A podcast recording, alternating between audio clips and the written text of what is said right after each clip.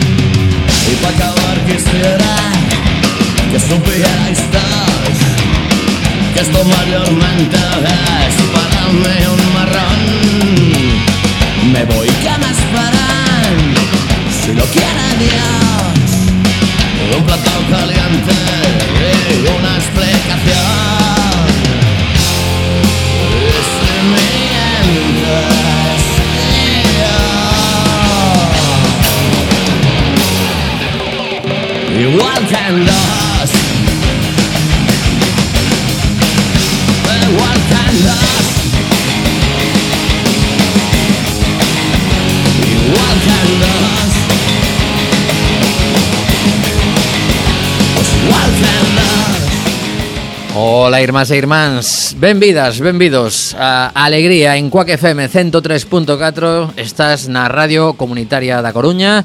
Estamos a emitir dende o estudio José Couso un martes máis. Oxe, para que non se decatou pola mañá, estamos en martes 13 e hai xente que ten certo repelús con isto de martes e 13.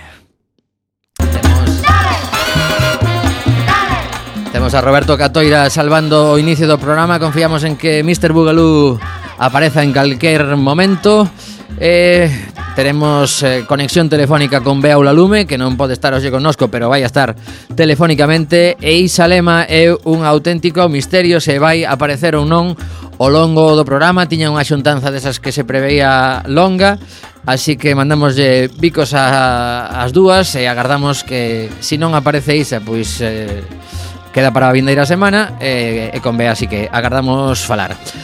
De que comentaremos hoxe ao longo deste programa? Pois temos unha entrevista no estudio desas, desas que van a molar segurísimo Así que vostedes que quedar E temos tamén eh, un par de eh, novas desas que chaman a atención cando te vas enterando pouco a pouco, mmm, porque hoxe tiven un día bastante liado, pero xa en, empezaron a chegarme informacións de que Pablo Crespo estaba pois eh, locuaz hoxe na Comisión de Investigación sobre a trama Gürtel e corrupción do Partido Popular e eh, estivo contando que efectivamente que en Galicia pois había unha cousa moi bonita que se chamaba sobresoldos eh, que repartían entre determinadas persoas que dixo que por elegancia por elegancia, que iso a estas alturas eh, Pablo pois ao mellor sobraba.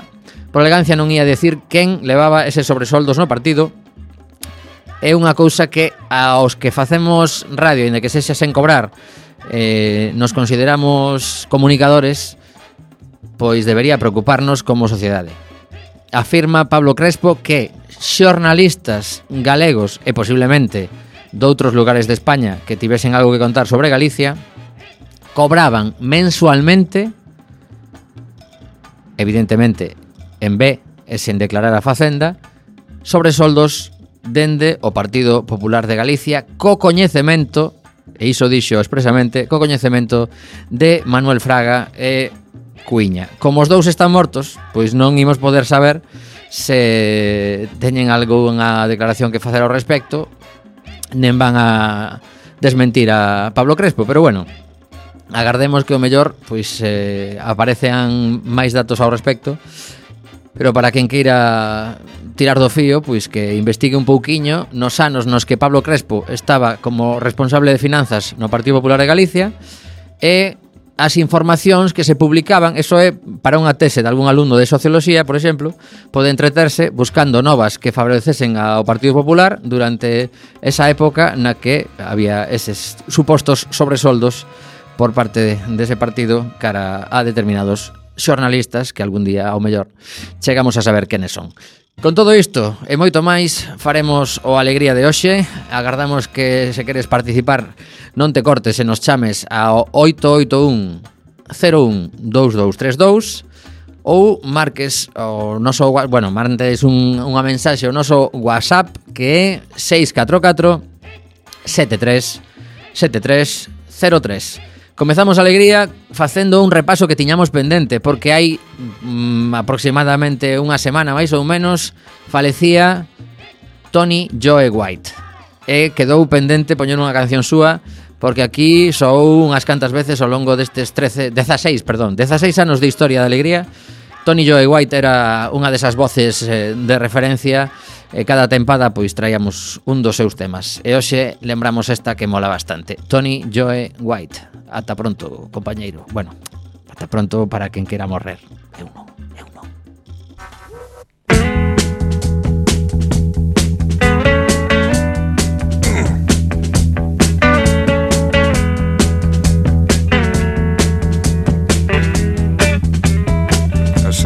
Been down south too much, I'm gonna tell you a little bit about this so that you understand what I'm talking about.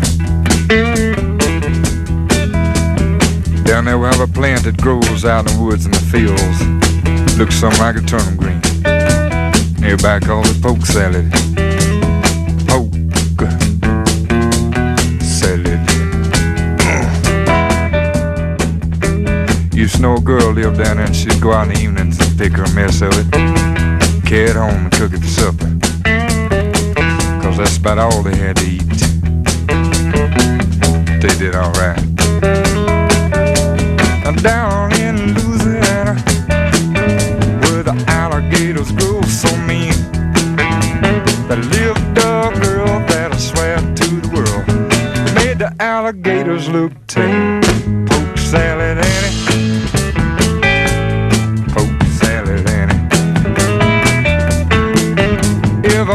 Said it was a shame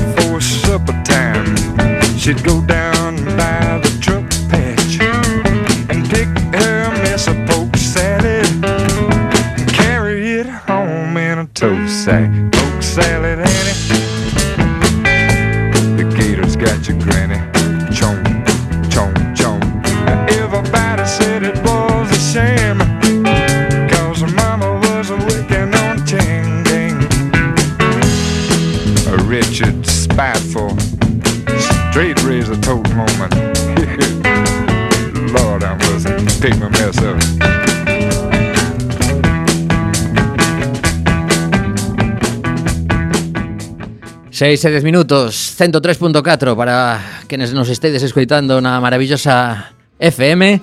E hoxe temos un luxo no programa, agora que nos levamos ben coa xustiza, podemos dicir que estamos cun comisario, Javier Trigales.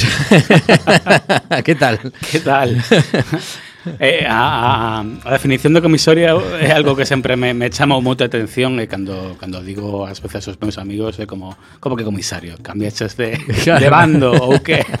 Pois iso, realmente comisario neste caso dun ciclo de, de charlas que se van a celebrar no agora mesmo en boca de todos Museo MAC o coñecido como MACUF por moita xente na nosa cidade e que eh, titulado Palabra e Imaxen, mm, tedes a un montón de xente interesante, cineastas e fotógrafos, falando precisamente de imaxe, incluso, pois mira, hoxe, hoxe mesmo eu estiven falando cun fotógrafo de rock tamén, por un proxecto que temos para, para decembro, uh -huh. eh, empezades este sábado, así que tes que contarnos como xurde este proxecto. No, sobre todo te, teño que dicir que comezamos este sábado e rematamos este sábado. Ah, sí? Claro, porque eh, todos sabemos o que vai pasar co, co Mac, que uh -huh. ten fecha de, de peche. Por lo menos nesta reencarnación, non sei se logo se convertirá noutra cousa e seguirá, esperemos que sí, que, uh -huh. que sega sendo un, un, un centro referente de, de Coruña para a cultura, pero claro, esta é unha actividade que, bueno, que eu programei hai tempo xa, e estiven traballando sobre ela, e quería que tivera unha periodicidade eh, puntual para traer a nosa cidade a, pois, a nomes enlleiros da, da cultura eh, audiovisual, eh, en este caso de cineastas e fotógrafos. Uh -huh. Pero a eh, cousa vai quedarse. De, de canto era a lista que chegaches a facer? Así na, internamente. bueno, realmente 4 ou 5 porque se, mm, cuanto máis importante o invitado depende moito, moitísimo da disponibilidade, ademais e tampouco facía falla eh, volverse tolo porque logo é moi complicado traer este tipo de, de persoas. Uh -huh. Así que quedou a cosa... cousa... Pero ti, ti ¿no? tiñas claro a quen querías traer e por qué? Por que decides, por exemplo, neste caso, o sábado, ás eh, 11:30 da mañán está en eh, ti porque vou meter a pata Antón da Gata, algo así. Antoine, sí, Antoine, Antoine Dagatá, Dagatá, eh, eh, sí. Bueno, este francés hai que ser, en, en, claro, aguda, aguda. eh, que por da Gata, eh, bueno, a mí me parece, penso que, que está considerado como un dos millores fotógrafos do mundo. Eu, personalmente, porque claro, ainda que este sea comisario, non, non intentas facer as cousas de forma objetiva, pero pero cada un ten os seus propios gustos e, e as, as súas querencias. E, en particular, a min Antoine Dagata pareceme un dos, dos cinco millores fotógrafos do mundo, vivos. Uh -huh. Así que Como definirías a, a fotografía que fai el? Cruda. Ten, ten un pouco de todo? Non, é bastante cruda, é bastante dura, é bastante especial eh, non se parece a ninguén outro fotógrafo, tanto pola súa fotografía como pola súa vida, que neste caso van unidas de forma inextricable, podería dicirse. Conta, conta. Por qué? Bueno, el leva moito tempo perdéndose, el fala sempre das súas vidas nas que se quere perder para encontrarse a sí mesmo e comenzar unha e outra vez. Eh, para, para, para facer iso, el, ele vai, busca os lugares máis lumpen, por así dicilo, eh, as barreras máis pobres das cidades, os prostíbulos máis máis últimos e todo, el non se dedica a sacar fotos do que pasa aí, senón se dedica a vivir aí, a, a comprender os protagonistas, a formar parte deles, uh -huh. eh, O de Dágata é un camiño que non pode seguir ningún outro fotógrafo. O sea, é fotografía documentalista. Sí, é documentalista, pero realmente el trascende casi o documental porque realmente está retratando a súa propia vida, a súa propia experiencia. As súas fotos son a súa experiencia, uh -huh. eh, prácticamente sen, sen ningún tipo de filtro. E iso é o que fai brutal e especial, claro. Estamos falando dun home que ten agora mesmo 57 anos uh -huh. e que seguramente ti coñeciches eh, en persoa en alguna ocasión. Non, non teño placer. Eh, falei incontables veces de, con el dende que dende que den, decidimos traelo para aquí, pero pero pero en persoa realmente non. Uh -huh. eh, o tuve cerca unha vez que fun a un a un Foto España en Madrid que que el adoita a visitarnos de vez en cando. Eh, tamén deu aí pouco un taller en Bilbao, que por iso, bueno, a xente que o fixo falou-me auténticas maravillas e por iso tamén foi outro das das cousas que me decidiu a, a contar con ele. Uh -huh. eh, bueno, e logo como afeccionado O sea que hai varios saunas, claro. Uh -huh. Realmente unha das cousas que sucede isto que estabas a comentar de, de que falaches coa xente de Bilbao que xa tivo, pois pues, dentro do mundo da arte é moi habitual que teñamos as nosas redes de contactos porque son fundamentais para evitar pois pues, eh, meter a pata ou por, coñecer pois pues, determinadas eh, peticións que pode facer, non? Este tipo é rarísimo, ten cuidado porque o mellor eh, mm, mm, pide unha cousa pero logo saiche por un pico algunha excentricidade que teña por aí aí, pero pero entendo que, que neste caso xa tes ese asesoramento. E falabas de, dunha un, un cruce próximo a el eh, un día en Madrid, porque ti eh, estiven buscando un pouquiño de información, estiveches traballando en Madrid durante canto tempo? Eh, creo que, que foron máis ou menos con algunha ida e volta, pero un 10 anos máis ou menos. Uh -huh. Cando, cando marchaches para ali? Marchei, pois, déxame facer contas, pois, para um, o 2001, máis ou menos, aí estiven estudando nunha escola de cinema dali, o TAI, e, e logo, pois, adiqueime primeiro o primeiro oficio de todo o audiovisual que é camareiro, por. Uh -huh, claro, claro, claro. E logo xa pasei a traballar Que tal a experiencia de camareiro? Fantástica. Sempre digo que un dos mellores traballos que tiven nunca. Eh, os compañeros eran absolutamente maravillosos. Uh -huh E había unha Pero cousa era, era camareiro de, de noite, rollo Era de paz, todo, o... porque era unha especie de, de, de bar para estudantes de universidades que logo pola noite se convertía en pub, así que... Eh, vale, o sea, hora, horas eh, unhas cantas. Sí. Ali, ¿no? na, na barra. Unhas cantas, é verdade. E, e é certo que, que a xente toma os camareiros como psicólogos? Eso é certo ou no, no teu caso non pasaba?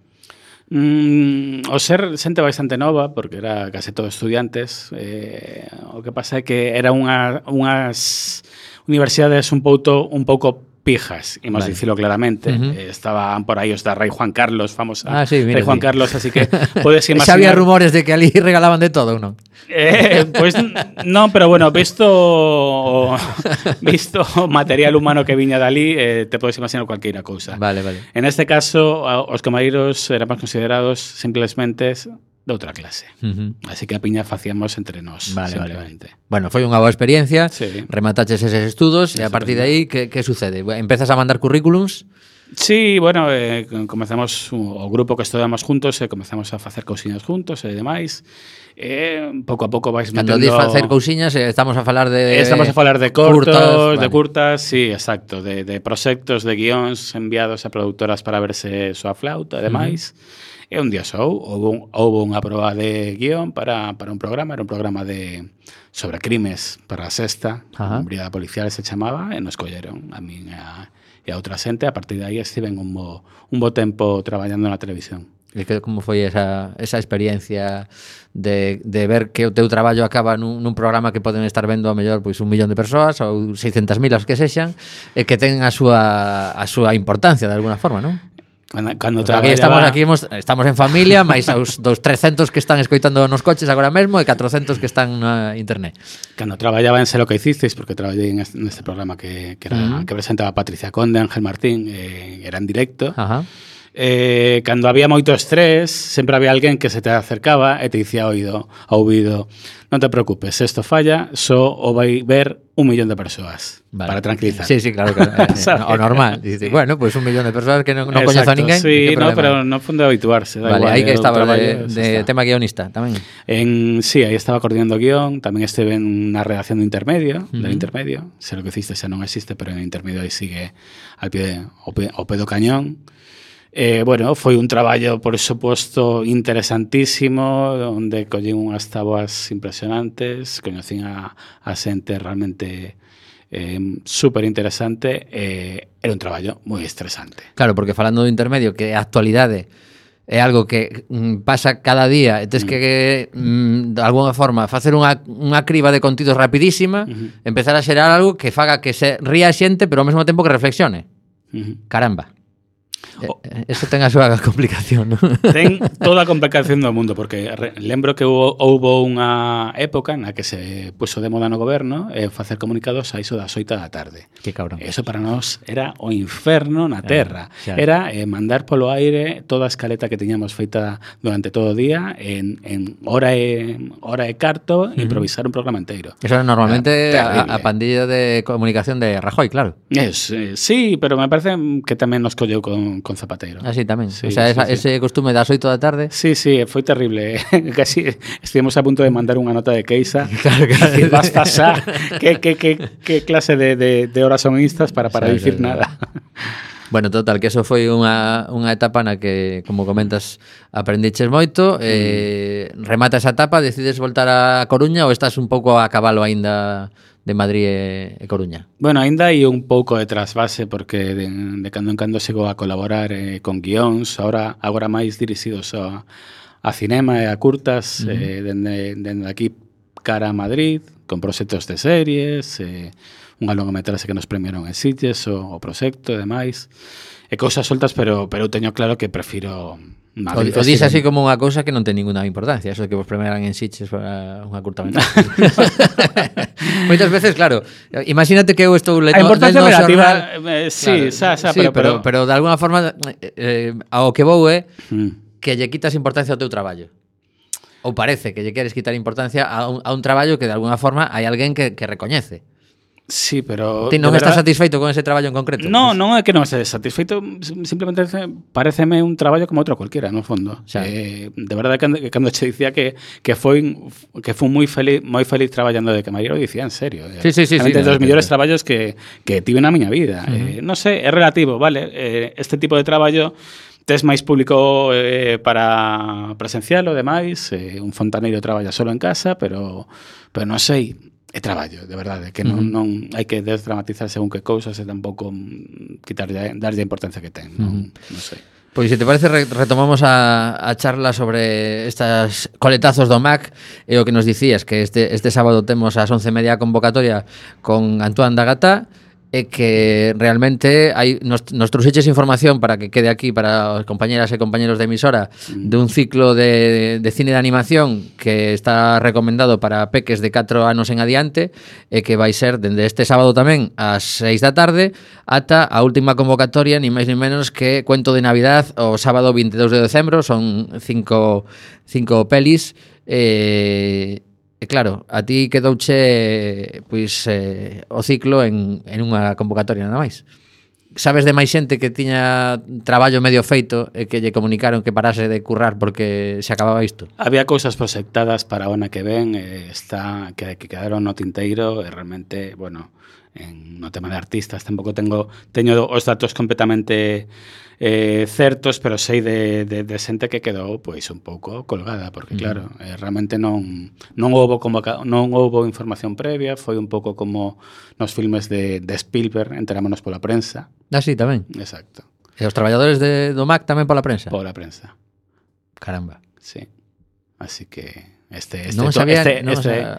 Sí, a ver, sempre hai rumores nese tipo de cousas e eh, nade, ninguén se levou as manos máis a cabeza como isto, isto é increíble demais, pero realmente, bueno, a comunicación foi abrindo as mm, páxinas do, do diario, non? O sea, tamén a típica nota de prensa que manda, neste caso, Naturgy, uh -huh que todos eu, eu aprendí que existía Naturgy a raíz de que Sí, porque cambiou moitas veces de nome e claro. agora é Naturgy que, que semella que un conglomerado que está en varios países antes estaba Unión Fenosa que ainda tiña capital galego o mellor eh, pensaban que, que, bueno, que tiña un pouco máis de sentido a dedicarlle unha partida presupuestaria a algo como Mac, pero uh -huh. agora, agora parece que, non sei, xa está todo diluído, todo globalizado, e eh, Supoño que isto é unha nota a pé de páxina que, que os, os de arriba nin entenden nin, nin que diablos é, nin que xa. significa, nin para que uh -huh. se gasta este diñeiro. Agora está a falar moito pois da posibilidade de que entre unha especie de consorcio de institucións públicas e con, con partners ou patrocinios privados pois poda continuar ese proxecto que polo que limos eh, ronda polo menos o, o ano 2017 o orzamento era de uns 900.000 euros uh -huh. de todo o que se facía ali porque que lembrar que, que hai artistas en residencia que hai exposicións continuamente un montón de actividades que van pasando pola, polos diversos espazos e realmente, aínda que este un pouco agochado do centro da cidade e que se, se non entras por ronda de Outeiro a Avenida Arteixo, pois non te enteras moito de que está aí, a verdade é que a, a intensidade de, de programación... Eu, eu tive unha asociación juvenil eh, dende esa, esa asociación desapareceu un montón de anos, pero siguen chegando os, os tarxetóns convidándonos a todas as actividades que hai, porque nunca dimos de baixa dirección, e ali siguen chegando. Cada, cada vez que hai unha inauguración de exposición ou que sexa, pois aí chegaba o MACUF ou agora o MAC con esa, con esa convocatoria E, e bueno, eu pois sí que teño boas lembranzas, tampouco que, que sexa un, unha das persoas habituais, pero sí que teño ido con, con certa frecuencia, tanto aos concertos dos, eh, dos domingos que facían para rapaces que se enchían ata bandeira, os pais e nais agradecían moitísimo esa convocatoria dos domingos ás 12, como estas exposicións un pouco, ao mellor imos chamar ou, ou incluso charlas no, no espazo de arriba que hai así unha, unha pequena sala de conferencias non sabería calcular para canta xente non sei se ti o sabes. Si, sí, 100 persoas, 100 eh, a que utilice eu case todas as veces que dou unha charla ou, ou un obradoiro uh -huh. ou coisas deste tipo. Así que realmente pois vemos que onte mesmo o pleno municipal da Coruña pois eh, aprobaba un, un novo unha nova moción a favor de que continúe o MAC pero mm, seguramente haberá negociacións das que teñemos descoñecemento. Mariano, hola, boa tarde, que tal? Hola, que tal? Aquí? Nada, eh, era, Mariano sí. Javier, Javier Mariano. Encantado. Hola, que tal? E simplemente era para apontar na ferida, botar un pouco de sal, non? Eh, dicir que, que, que curioso que, que cando o, o, o sector enerxético estaba regulado e, por tanto, había unhas certas obrigas de servizo público, porque basicamente o que é, non? É un servizo público ter, ter corrente nos enchufes, pois eh, se generaban efectos secundarios maravillosos maravillosos para na, explicación, na, na, na explotación desa, eh, dese oligopolio como que tiñen que adicar unha, unha parte dos seus beneficios a, a obra social ou cultural eh, que xeneraban espacios tan vizosos e tan estupendos como a, como a, como a MAC e eh, que claro, agora coa liberalización absoluta e eh, e demais non só perdemos soberanía, senón que tamén perdemos perdemos esas, esas maravillas colaterais, non? Eh, non sei, a mí me parece un problema civilizatorio ao nivel 10, claro, unha cousa así como grave complicada. Sí, é que a palabra que, que utilizas precisamente a liberalización eh, eh, a converter en unha cousa moi, moi perversa, porque aínda para hai xente que, que lle, lle, lle lembra ese sentido de liberdade, e demais, é todo o contrario, é unha especie de, de, de, de machacar continuo e de, de bula papal para facer o que lle pete, a quen lle pete, e cando, uh -huh. cando lle pete, E por iso pasan cosas como esta. Sí, de feito, houve certa polémica esta semana con esas declaracións da, da ministra responsable de plantexarse que fai con, con Alcoa ao dicir que non estamos nun réxime comunista. Mm. Eh, iso quere dicir que non hai empresas públicas, compañeira, porque, a ver... Non, eh, iso quere dicir que sí que hai un réxime intervencionista para dar cartos ás empresas, pero para exixir responsabilidades ás empresas non. Eso é basicamente o que quere dicir. Exacto. Ah, vale. foi unha, unha boa traducción, pero realmente hai que hai que pensar que esas declaracións eh, non me extraña que houvese bastante repercusión porque foi a, foi a nomear unha palabra concreta que non é do que estamos a falar, mm, señora ministra. Estamos a falar de que hai determinados sectores que o mellor... Eh, a ver, a, a quen lle importa que haxa un, un servicio deficitario? pois aí tería que estar eh, en caso de que fose deficitario por, polo tema este da enerxía que tamén habería moito que falar sobre canto custa a enerxía porque iso sería outra festa pero entón facemos un monográfico de seis horas e traemos aquí a un montón de expertos pero como non vai ser o caso pois o tema é que nos plantexemos cales son sectores estratégicos para un país e ata que punto podemos depender de que unha multinacional diga pois mira, pechamos isto e a xente que precise de aluminio en España imos de colocar outro que traemos de Indochina por 4 pesos. Eh, así arranxamos todo. Esa economía de mercado que cree o Partido Socialista, pois que non lo diga, que se agradece. me pongo a cara Mariano de aí va o que dixo este agora de repente si estamos a falar dun ciclo de, de, de conversas porque claro Aquí moitas veces eh, supoño que a hora de decidir como plantexas eh, o, o que ia ser un ciclo, e neste caso iba a ser unha, mm. unha charla, eh, pon aí castellano. Está, está especificado, este, este home terá traducción simultánea porque é francés, non? Ainda non ah, comentamos. Pero no, que... non, é fantástico porque tamén fala castelán. Ah, vale. Eh, o sea, que vai ser eh, intervención directa. A este co... nivel, sí, exacto. Vale, vale, vale. Sí. Moito máis doado. Sí. Eh, non Espera sei si... que nos metemos noutro xardín. Unha persoa que fala máis dun idioma, anatema, eso está mal, bueno, todo o mundo eh, sabe. Escándalo, escándalo. Un francés sabendo español. Esto me fala como 4 ou 5 en cinco, vale. por arriba. Uf, así un vicioso, ademais. O sea, que... Sí, sí.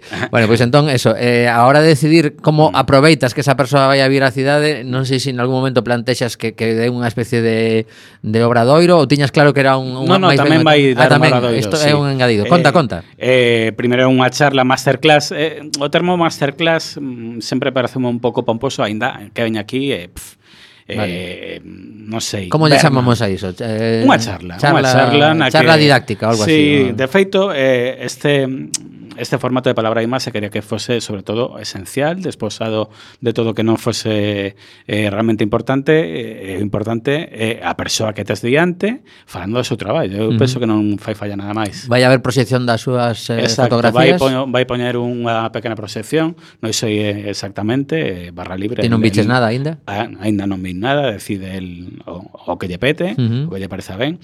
E aparte disto tamén vai haber un obradoiro eh, dedicado un pouco a, a xente profesional do, do audiovisual, sobre todo fotógrafos uh -huh. e tamén cineastas que agotou as súas prazas en, en 20 horas. Vale. Cantas prazas había? Había 16. Caramba. 16. Eh, están fotógrafos deses que vemos todos os días na cidade, pois pues, que algún deles, algún deles coñecidos sei que que está apuntado, uh -huh. sí. Vale, vale. Eh, Así que, bueno, eh, será un placer pois telos sí. a todos por aí. E eh, para a charla aínda hai prazas, aínda que... Hai que inscribirse grande, para a charla tamén, hai, hai que, que, hai que reservar. Hai que reservar, um, previa reserva telefónica simplemente para saber que realmente eh, te interesa ir, acudir, para non, eso, para deixar espazo a xente que realmente lle, lle apetece vir a, a escoitar a, pues a este entón, home. Tes, tes que dar o teléfono, ou temos que dar o teléfono? Sí, eh, está, por, está por eh, algún lado? Pues sí, aquí o teño, vale. eh, o digo? Sí, sí, di, claro. 981, claro. no, eh, 91 14 76. Vale, repetimos 981 91 14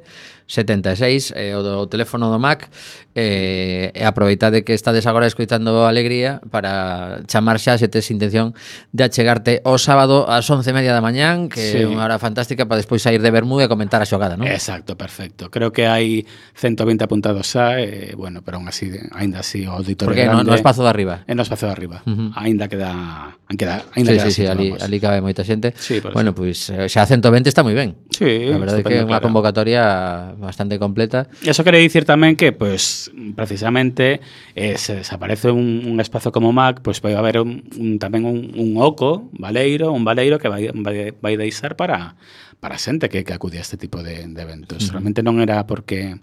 E non quero entrar xa nos números e demais, porque a cultura penso que tampouco hai que ter en, sempre os números e a, e a economía por enriba, non? Uh -huh. É, é moito máis que iso.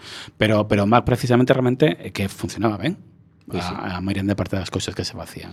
Javier, pois imos despedir o programa porque aínda temos eh, unhas cantas cosiñas da, das que falar neste Alegría. Eh, a verdade é que agardo que pasaras un, un rato agradable con nós. Moitísimas, agradecemos moitísimo a xente que se achega ao estudio José Couso porque estamos aquí un pouco tamén como o MAC, pois eh, na, na periferia da cidade, pero pero a verdade é que facemos a nosa pequena tarefa divulgadora, así que moitísimas grazas e, e que haxa posibilidades xestione quen xestione ese espazo Exacto, de poder seguir facendo cousas. Exacto. Moitísimas gracias a vosotros e eh, enhoraboa pola volta de, de Cuap, por suposto. Aí estamos, aí estamos. pois seguimos escoitar unha canción para, para celebrar que estamos de volta na FM. Eh, temos a Econova con Beaula Lume, neste caso telefónicamente, xa preparada para a volta desta cancionciña que, Mariano, cal, cal das dúas temos aí? Ah, vale, Jamie Cullum. Jamie Cullum facendo unha versión de Jimi Hendrix. Dicen, a, a, a Javier con este pelo seguro así, que lle mola a Jimi Hendrix. Que, te, que ten rizos así. Cosas pues, sinxelas, nada... Sí, sí, pois pues, escoitei esta canción outro día e dixen, anda o Jamie Cullum que se meteu con... Bueno, tamén é certo que era unha das baladas de Jimmy, pero a ver se si vos mola, veña. dai aí.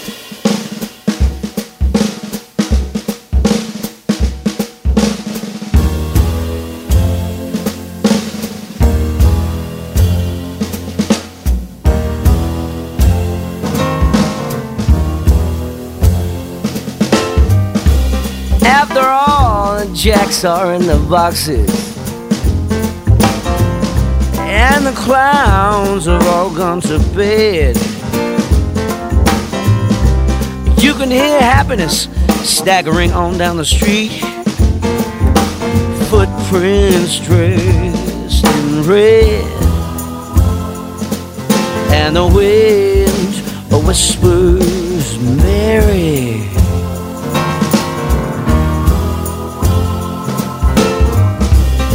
A broom is drearily sweeping up the broken pieces of yesterday's life. Somewhere a queen is weeping. Somewhere a king has no wife. And the wind cries,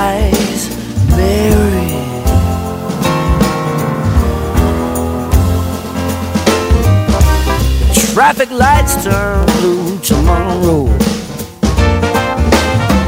Shine the emptiness down on my bed. The tiny island, it sags down the street. Cause the life that they is dead. And the wind screams, Mary.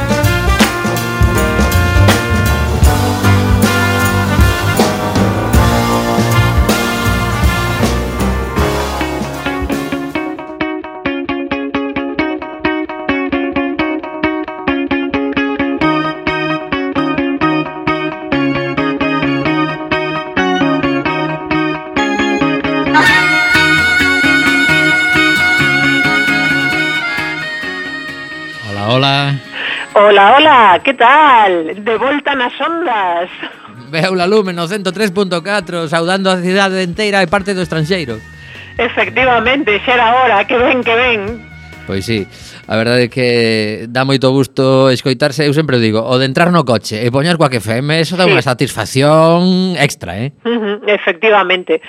Pois, mira, hoxe precisamente quería falar de temas medioambientais que tiñan que ver con mm, loitas de David contra Goliat como a que tivemos nos agora mesmo, que afortunadamente a nosa rematou ben, pero que, claro, non sempre sucede así. E agora está moi de actualidade un problema moi gordo, non sei se escoitastes o tema de, da que era antigamente Texaco, que hoxe se chama Chevron, que estivo durante moitísimos anos en Ecuador, pois extraendo petróleo nunha zona da Amazonía e arrasou, pero é que arrasou en todos os sentidos.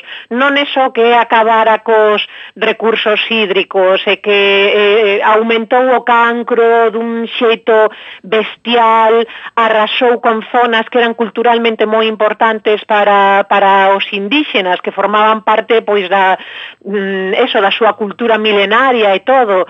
Mm, fixeron que aldeas e povos enteiros tivesen que moverse de sitio ou ben voluntariamente porque xa non había quen vivira neses sitios ou ben porque ían físicamente ali persoas e as botaban de ali a patadas, violando mulleres, bueno, bueno, foi foi foi un auténtico desastre, Qué foi horroroso. Entón, a xente que vivía nesa zona, eh, tanto indígenas como agricultores, puxeron unha demanda en 1993 e 20 anos despois e tras catro sentencias en tribunais, estamos falando do ano pois do ano 2013, conseguiron que finalmente os tribunais ecuatorianos eh, puxeran unha sanción a mm, Chevron, antigamente Texaco, unha multa de 9.500 millóns de dólares. Caramba todo estupendo, todo maravilloso, todo cojonudo, pero resulta que a compañía que deixou de ter activos nese país en no ano 92 che, eh, levou a decisión ante o Tribunal Arbitral de La Haya, que por certo é privado, cousa que eu non sabía. Como que este privado? tribunal eh, emitiu eh, unha resolución ao seu favor a principios de setembro, ou sexa, hai dous mesiños, considerando que o Estado de Ecuador incumplira un tratado bilateral de inversións con Estados Unidos firmado posteriormente a que eles estiveran en Ecuador, pero a, a La Haya valeulle e dixo pois que non lle deran un trato xusto a petroleira e que son eles os que teñen que pagarlle a, a esta xente, aos indígenas, e ademais teñen que pagarlle unha compensación a Texaco Chevron. Como vos queda o corpo? Home, a min así como mm, o primeiro que me sorprende é iso que diseches de que hai un tribunal privado que, que lles vale as partes, porque realmente mm, se me dis, bueno, é, é un trámite intermedio no que podes como unha especie de tribunal de arbitraxe sí. que, que despois podes ir a outra instancia superior que se xa máis seria, porque iso de que se xa privado, aí eh, estábamos antes a falar dos sobres que polo visto o Partido Popular de Galicia, según Pablo Crespo, eh, chegaban a moitos sitios, uh -huh. pois neste caso eh, un, un tribunal privado calquera sí. pode dicir, bueno, pois sí, si, sí, si vas a pagar... Tema hai que profundizar porque eu quedei escandalizada tamén, pero pero teño que mirar con calma porque quero quero saber máis, quero sí, saber sí, sí, máis, sí. queremos saber máis. A ver, eh, si, si tes que forrarte 1.500 millóns de dólares, ao mellor compensa pagar unha parte así, mm. alguén, alguén que lle pague unha piscina. Mm, tranquilamente, tranquilamente. Digo eu. Pero ben, por outra banda, eh, tamén hai dous mesiños eh, saiu outra, outra resolución que foi todo o contrario. Ese sí que foi como nós, David contra Goliat, este creo que ainda, ainda tivo ata máis mérito. Sabedes a Baaz, esta comunidade sí. activista que moitas uh -huh. veces nos pide sinaturas e doazóns pois para lotar, loitar contra diferentes causas, e unha das causas contra a que máis loitaban era contra Monsanto e os glifosatos. E obtiveron moi moitísimas vitorias que a Monsanto lle fixeron pois bastante dano, bastante moito dano.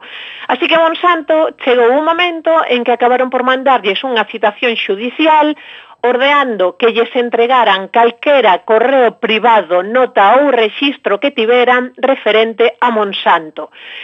Esta orde era aterradora eh, e tería suposto que a Baaz empleara meses e centos de miles de dólares indagando e entregando a Monsanto mm, todo o que calquera persoa do equipo de Abaaz tivera dito ou escrito sobre eles durante anos, incluindo os mails electrónicos e as identidades dos membros que mandaran mensaxes sobre Monsanto ás autoridades. E o peor é que os abogados lles dicían que nos tribunais de Nova York normalmente esas, esas cousas se aprobaban automáticamente, esas peticións, porque se entendía que a máis información máis xustiza. Entón, que fixo, fixo Abad? Pois o que normalmente fai para outras causas os, os hicieron para eles, en plan, doadenos pasta que estamos nun problema terrorífico e que precisamos o mellor do mellor en abogacía. Conseguiron 200.000 doantes.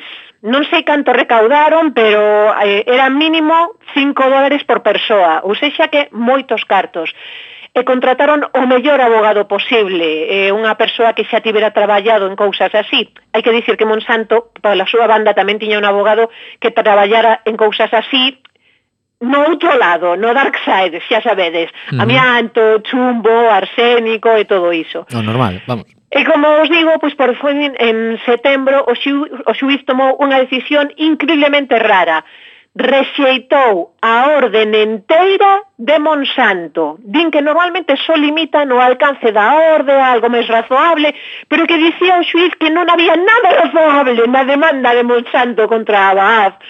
Así que, bueno, aínda que todavía cabe recurso e Monsanto podería intentar algunha outra cousa, en principio, pois, para a Baaz, eh, eu penso que para a liberdade en xeral destas cousas, eh, pois, un, unha grandísima victoria e, e hai que celebrala.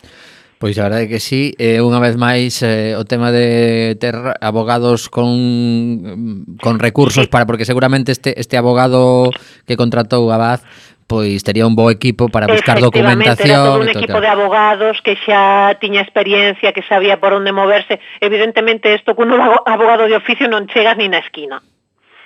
Pois sí. Estas cousas suceden así. Tes uh -huh. máis máis cousiñas por aí destas loitas ou de outras cousas? Non, mira, xa que falamos de Monsanto, só lembrar que xa postos, pois outra pequena victoria contra Monsanto é que se demostrou que o glifosato dana as abellas, que non tiñan xa bastante, porque, a ver, eh, Monsanto o que dicía era que non as mataba, e resulta que é certo que non as mata directamente, pero sí que lles dá un problema a nivel intestinal que as fai máis febles eh, e lles é máis doado coller infeccións. Así que, digamos, así secundariamente o glifosato é malo para as abellas. Así que outro bardo nos glifosatos. Uh -huh. Non sei se escoitaches eh, nas, nas eh, novas de hoxe ese proxecto a, a non sei se medio longo prazo porque en 2040 xa non sei ata que punto é unha cousa ou outra, do goberno de España sí. a través de, de, de esa desaparición de vehículos de diésel e de gasolina. Sí, escoitei, escoitei esta mañá eh, moi feliz, a verdade, porque sí que podemos vivir con outros modelos de transporte, xa non só coches particulares eléctricos, senón mm. eso, transporte público ou eh, transporte eh, compartido, eh, eso, varias persoas que posúan un coche, cousas así. O que pasa que neste tipo de, de, de novas que aparecen e que hai cando hai un ministerio que decide estas cousas, eh, temos un perigo, porque de aquí a 2040 Efectivamente, entón habería, claro. habería que buscar unha Mariano, a ver, Mariano, que está movendo a cabeza de que non. Non, realmente non porque porque non é unha ocorrencia do goberno. Claro, quero dicir, iso ven de, da Unión Europea. Non sí. é, é, é, forma parte dos compromisos contra o cambio climático. O, sea, o único dice, que estamos asinando é algo que dende arriba... É transpoñendo, digamos, eh, é, concretando. Eh, Incluso eh, dende a Unión Europea tamén podería chegar un momento en que houbera moitos cambios nos, eh, nos gobernos dos países eh, quixeran presionar por outra banda, pero que hai algo que temos que ter en conta, é eh, que cada vez somos máis a cidadanía verde, por dicilo de algún xeito, que estamos dispostos pois a, a, a vivir de outro xeito, e respirar aire puro, e non morrer, e cousas así, non sei, chamame idiota. Pois sí, pois idiota. non, a ver, o, o que o que acontece é que, é que na Unión Europea, por moito que cambie eh, o, a, a cor política da Unión Europea, para mellor eh, Eh, o sea, para peor é, no tema climático é difícil, quero dicir, uh -huh. porque che, o sea, leva moitísimos Vai, moitísimos asinamos un acordo con Trump. Eh, moitísimos anos o neoliberalismo xa gobernando Europa. Sí, no, pero quero dicir eh contra a evidencia non se pode loitar. Eh, a evidencia do cambio climático e dos combustibles. Pode, eh? o fixeron durante moito tempo. Sí, o que non se pode gañar. Afortunadamente, no, sí. Non se pode gañar. Se agora entón. ata Trump recoñece que hai cambio climático, mira que lle custou. Ol, non quero dicir que vai a facer nada, eh? Incluso dixo que non vai facer nada por opoñerse aos intereses económicos de Estados Unidos. Pero coño, polo menos xa recoñece que sí, que vale, que existe que hai catro días como quen di, pois non, ni sequera iso. Bueno, pois pues, eh, vamos a, a considerar iso un pequeno avance para a humanidade, sí. é un gran paso para Donald Trump, pero, pero realmente eso, o que o que dicides é que un si, pequeno si, si no, paso si no, para o home laranxa, se, se non fai nada despois, pois pues, ah, pois pues vale, pois pues, Wisconsin pasa por Valladolid, pois pues, pues vale. Uh -huh. Pero bueno, a ver, a ver que pasa a continuación. Estaba buscando unha nova que me saltou así tamén e como estábamos a falar de vehículos pois chamou bastante atención que era eh, sobre un despedimento masivo en PSA Citroën Non sei se si mm. lechedes algo ao respecto. Non sabía nada. Porque hoxe o, o tema de Pablo Crespo eh, agochou moitas outras cousas eh, deixade eh, eh non, non sei se Mariano eh, tivo tempo para ver o, a ver, o que sei que... tempo para escoitar algo máis de Pablo Crespo ou non? Eh, non, eu que sei sobre o tema de Citroën é que que por exemplo na factoría de Vigo o, os traballadores foron chamados para negociar un ERE temporal. 800, eh, era o que estaba buscando, si. Sí. PSA propón un ERE temporal para 800 traballadores de Vigo. Wow pero claro, 800 notas é moito. Outra cosa é que sexa temporal, e, e canto tempo é ese temporal. Eh, o fabricante francés plantexa un ERE eh, na liña de montaxe do Peugeot 301 e o CLC durante 100 días, ademais de eliminar un turno.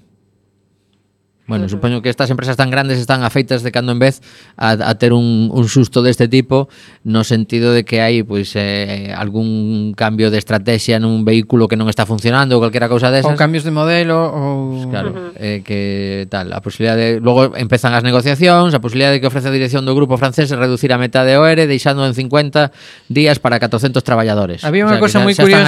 Había unha cosa moi curiosa da, da industria automobilística hai uns anos que me mentres a industria automobilística europea e norteamericana deslocalizaba en países asiáticos, as marcas asiáticas empezaban a deslocalizar en Europa. Uh eh, -huh. porque dicían que, que por calidade, non? Porque dicían que eh, a calidade do traballo, a calidade do deseño e tal era mellor en Europa, era un pouco como o mundo ao revés, non? Uh -huh. Eh, pero bueno, sí, un mercado super fluctuante, eh, moi é moi moi activo e, e que ademais serve un pouco como como patrón da, da saúde da economía, non? Uh -huh. Sempre se toma como a referencia. Que pasa que precisamente con estes temas de de ir cargándose progresivamente os combustibles fósiles, incluso os vehículos híbridos, porque uh -huh. hoxe falaban diso na na nova, pois van ter que teñen un desafío importante por diante, non? Que teñen que pasarse ao eléctrico o, en en 22 anos. É o que hai. A ver, eu non quero ser peito niso, pero teño a sospeita de que cando estemos a falta de dous anos para iso, vai haber unha especie de, bueno, veños, que comprachedes hai pouco, vos damos un pouquiño máis de marxe pero non me fabricades ningún máis, eh? Bueno, hai que ter en conta, hai que ter en conta o que pasa con que eh pasa que as gasoliñeiras van levar un un pao importante, ver, cando, se, eh? Eu supoño que cando se toman estas decisións o que se calcula é eh, a disponibilidade a disponibilidade de combustible fósil que hai e eh, os usos para eses combustibles fósiles, non? Eh E os prezos, a evolución dos prezos, porque se, se volve esa materia prima cada vez máis escasa, é previsible que os prezos vayan subir unha barbaridade e que non sexa en absoluto rendible usar uh, derivados do petróleo para queimar os motores. Uh -huh. ¿no? Cando, cando é unha materia prima que se utiliza para moitísimas outras cousas posiblemente todas elas máis importantes que queimalas, que queimalo, ¿no? O sea, cando tes un ben escaso, o xeito menos menos inteligente de usalo é queimando, penso, non? Entón, eh, iso pois pois é o que motiva todo este todo este movemento. A parte do dano medioambiental tamén está o dano o, o dano económico e pois, as posibles consecuencias do do famoso picoil, non? Que se supón que queda menos petróleo do que xa está explotado. Entón, pois haberá que espabilar O que sí que tamén o que sí que tamén temos aí é que isto vai levar aparellado todo unha uh, toda unha serie de cambios en cadena super importantes, no que cobran especial relevancia, adiviñade, quen? As nosas amigas, as eléctricas, como a Naturgy, a que vende cerrar o Macuf. Claro. Claro, porque se supón que os coches van ser eléctricos. Pois sí. Así pois- que o Estado ten que ter moito ollo. Sería bo que o Estado o que tivera, ademais de moito ollo, fose unha empresa eléctrica pública. Uh -huh como en Francia, por exemplo. Que quero dicir con isto, con que se en Francia hai, eso quere dicir que non viola a normativa comunitaria, mentres eh, non teña máis dun terzo do mercado. Claro, é como eh, non sei se si tes o dato de cantas, a máis da esa pública en Francia, cantas máis. Non, hai bastantes máis, ademais, no, ademais está o límite hai unha normativa anti anti monopolio, non, uh -huh. que di que ningunha empresa pode ter máis dun terzo do mercado. Entón, do mercado eléctrico. Uh -huh. Pois o que está claro é que neste sector o, o que teñen é que empezar a poñerse as pilas dándose conta de que vai haber un, un cambio, vai haber un cambio moi grande e aquí eh, o que primeiro pegue pegará dos veces, como a sempre. O, o que dicías, Tomi, de que as gasolineiras van pasalo fatal, é certo, pero xa, xa comentamos nunha, nunha econova hai varios meses que de feito hai eh, gasolineiras aerolíneas que o que están facendo é poñer puntos onde a xente pode parar e recargar os seus coches eléctricos en tono que están e pasando o negocio de gasoliñeira a hostelería, quero dicir, ti podes parar tranquilamente mentras o coche se carga, tomas un café, mercas o periódico, tomas algo, Entón, eh, Pero hai non, que non cobran a recarga. Hai que pensar en cambio no modelo de, de negocio. Eh, pois mm. nas cidades nas que, nas que agora mesmo pois se fabrica moito coche e tal, pois oes, se ves que no futuro non se va a fabricar tanto coche, pois igual o que te é que pensar noutro modelo de negocio. Pero claro, mm, teñen que haber gobernos mm, espabilados e que saiban pensar eh, pensando no futuro, non no agora e no voto de agora mesmo e se me van votar a min, senón como vou deixar isto e como vai quedar a xente pola que eu estou traballando agora. Por exemplo, no, a ver, en, en Cádiz, din que Kichi, eh, bueno, Kichi e o seu equipo, eh, está sacando moitísimas ideas Mm, para facer novos plans de negocios para Cádiz que non inclúa pois andar construindo barcos que xa se ve que é un negocio que non vai a millor, senón que vai a pior. Entón, é, é por aí por onde hai que ir. Oxe, que xa non hai serenos, non, non hai moitísimas profesións que xa non existen, hai que saber ir cambiando pouquiño a pouquiño. Pois sí.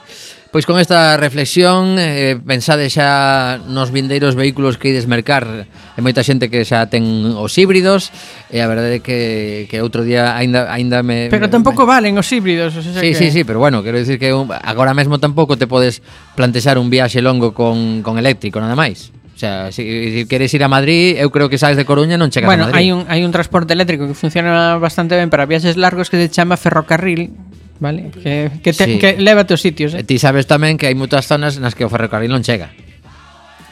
Que hai que ir en, en todo caso en autobuses. Eh, sobre todo cando suprimes cando claro. suprimes liñas, igual eso claro. hai que repensalo a ver, si tamén empezar outra un, vez. un debate ás 18:55 e 50 segundos. Veu la lume. Cabalos, precisamos cabalos. eh, bueno. de, de vapor, sí. Bueno, ese, ese proxecto de tren eléctrico nocturno, que perdón, te, tren nocturno, lo de eléctrico tamén, pois queda aí pendente para falar outro día. Bea, moitísimos bicos a, a, a coller forzas para estar aquí connosco o vindeiro martes. Veña. Bueno, eu non estou o martes que ven, así que a, si queredes chamarme mellor me colledes por, por outra cidade, uh -huh. na que hai, hai ave dende hai moitos tempo. Bueno, Escapamos, chegan os compañeiros e compañeiras de Recendo a Cuac FM, a Radio Comunitaria da Coruña que emite no 103.4 da frecuencia modulada. Chao.